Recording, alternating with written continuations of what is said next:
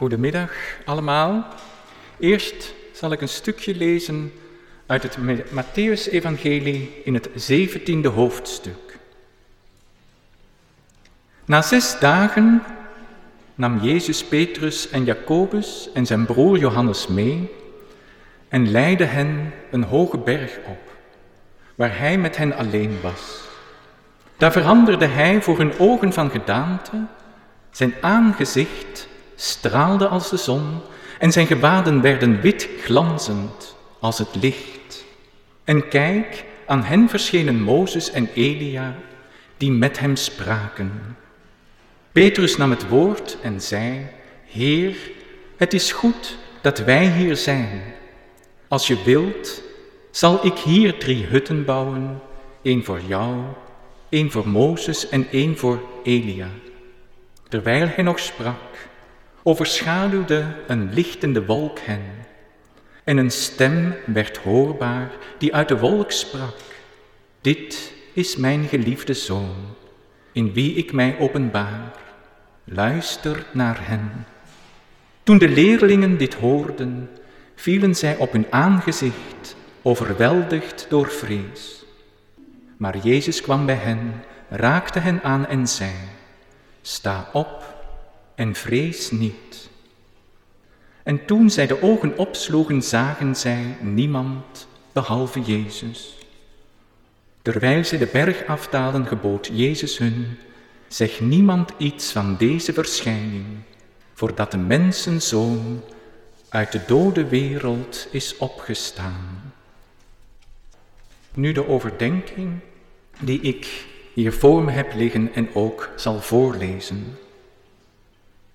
Toen ik ging zitten met mijn pen in de hand om de volgende gedachten op papier te schrijven, voelde ik ineens hoe de zon mijn werkkamer binnenscheen. Licht en warmte omhulden me. En hoewel de zon er voordien ook al was, had ik haar niet opgemerkt. Ik sloot mijn ogen, richtte mijn gezicht naar het licht en nam diep adem. Alle spanningen en onrust vielen van me af. Alsof het licht en de warmte op mijn gelaat iedere angstvallige gedachten als sneeuw voor de zon deed verdwijnen en ik omspoeld werd met een warm rood licht dat ik voor mijn gesloten ogen zag. De geluiden op de achtergrond vervaagden en verloren hun betekenis. Ook van binnen werd ik stil en werd gewaar welke grote levensvreugde het zonlicht me schonk. Ieder jaar mogen we ervaren wat de vroege lentezon met ons doet. Hoe haar licht en warmte nieuw leven schenkt en in de natuur de knoppen doet opengaan. En zoiets gebeurde ook met mij. Een gevoel van vertrouwen, vreugde, levenszin en dankbaarheid leefde in me op. Ik was erdoor verrast omdat, ondanks de blauwe hemel en de opkomende zon, mijn gemoed gekleurd was door het leed van mensen.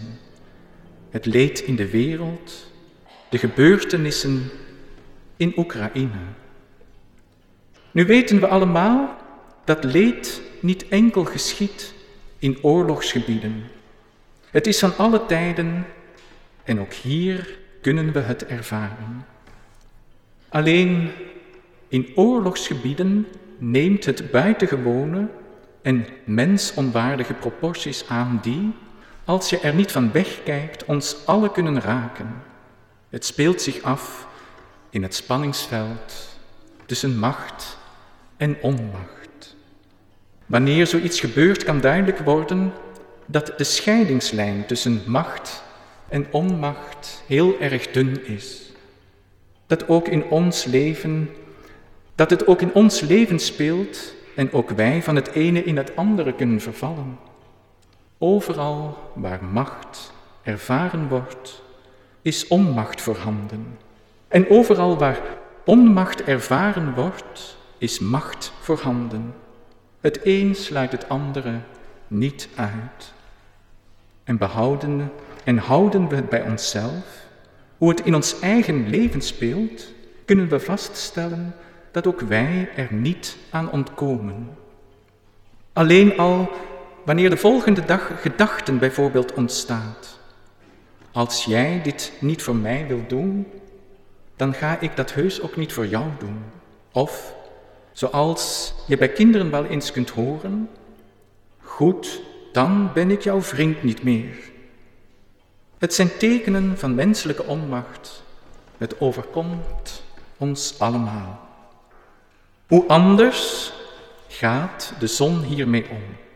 Heb je de zon wel eens horen zeggen, als je je bord niet leeg eet, dan schijn ik morgen niet. Nee, zoiets kunnen alleen mensen zeggen die onmacht ervaren naar kinderen toe die hun bord niet willen leeg eten. De zon schijnt er voor iedereen, ook voor die kinderen die hun bord niet hebben leeggegeten. En dat is de kracht van de zon, dat zij er voor iedereen is, voor alle mensen, voor de hele wereld. Zij maakt geen onderscheid. Zij is niet kieskeurig. Zij kiest niet voor macht of onmacht, maar schenkt haar licht en warmte aan allen die zich in haar licht willen stellen.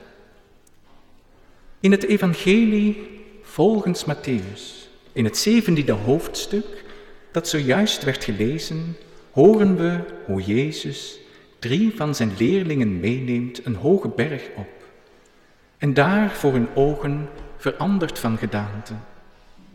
Het stukje evangelie lijkt wel heel ver van ons verwijderd te zijn, alleen al door de tijd waarin we leven, maar ook gewoon door het feit dat hier geen hoge bergen zijn. Toch wie de hoogte opzoekt, het zij de bovenste verdieping van een flatgebouw, het zij een kerktoren of een andere toren, krijgt een vergezicht te zien. En wie in de verte kijkt, ziet niet alleen verder, maar verlegt daarmee ook zijn eigen horizon. Je ziet dan terugkijkend, zowel in het verleden, de wereld waaruit je komt, als vooruitkijkend in de toekomst, de wereld waar we weer naartoe gaan. Als we ons richten op enkele beelden uit het Evangelie, zien we hoe ook hier het heden, het verleden en de toekomst aanwezig zijn. Het heden kunnen we vertegenwoordigd zien door de drie leerlingen Petrus, Jacobus en zijn broer Johannes. Het verleden in de gedaante van Elias en Mozes en het toekomstige in de lichtende gedaante van Jezus zelf. Wat daar gebeurt, kan ons vertellen dat als we het geestelijke willen vasthouden, de macht willen behouden, zoals Petrus voorstelt door drie hutten te bouwen, het licht dat uit de toekomst ons tegemoet komt, hierdoor verduistert en angst ons overweldigt. Het is natuurlijk gemakkelijker gezegd dan gedaan vertrouwen te vinden in iets wat je niet kunt grijpen, waaraan je je niet kunt vasthouden, om dan niet te vervallen in angst als de onmacht als een golf over je heen rolt. En toch, de zon doet het ons elke dag voor. Ze schenkt haar liefde en warmte. Elke dag schenkt ze vertrouwen aan de wereld waarin wij leven. Wie in haar licht en warmte, wie, wie haar licht en warmte in zich opneemt, merkt hoezeer wij mensen met haar verbonden zijn.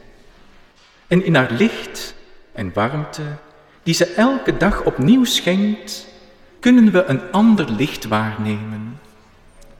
Een licht dat van buiten komt, maar zachtjes een licht dat niet van buiten komt, maar zachtjes in ons gaat stralen, een licht dat uit mensenharten komt. Licht dat warmte brengt, daar waar het koud is. Licht dat hulp biedt, daar waar nood is.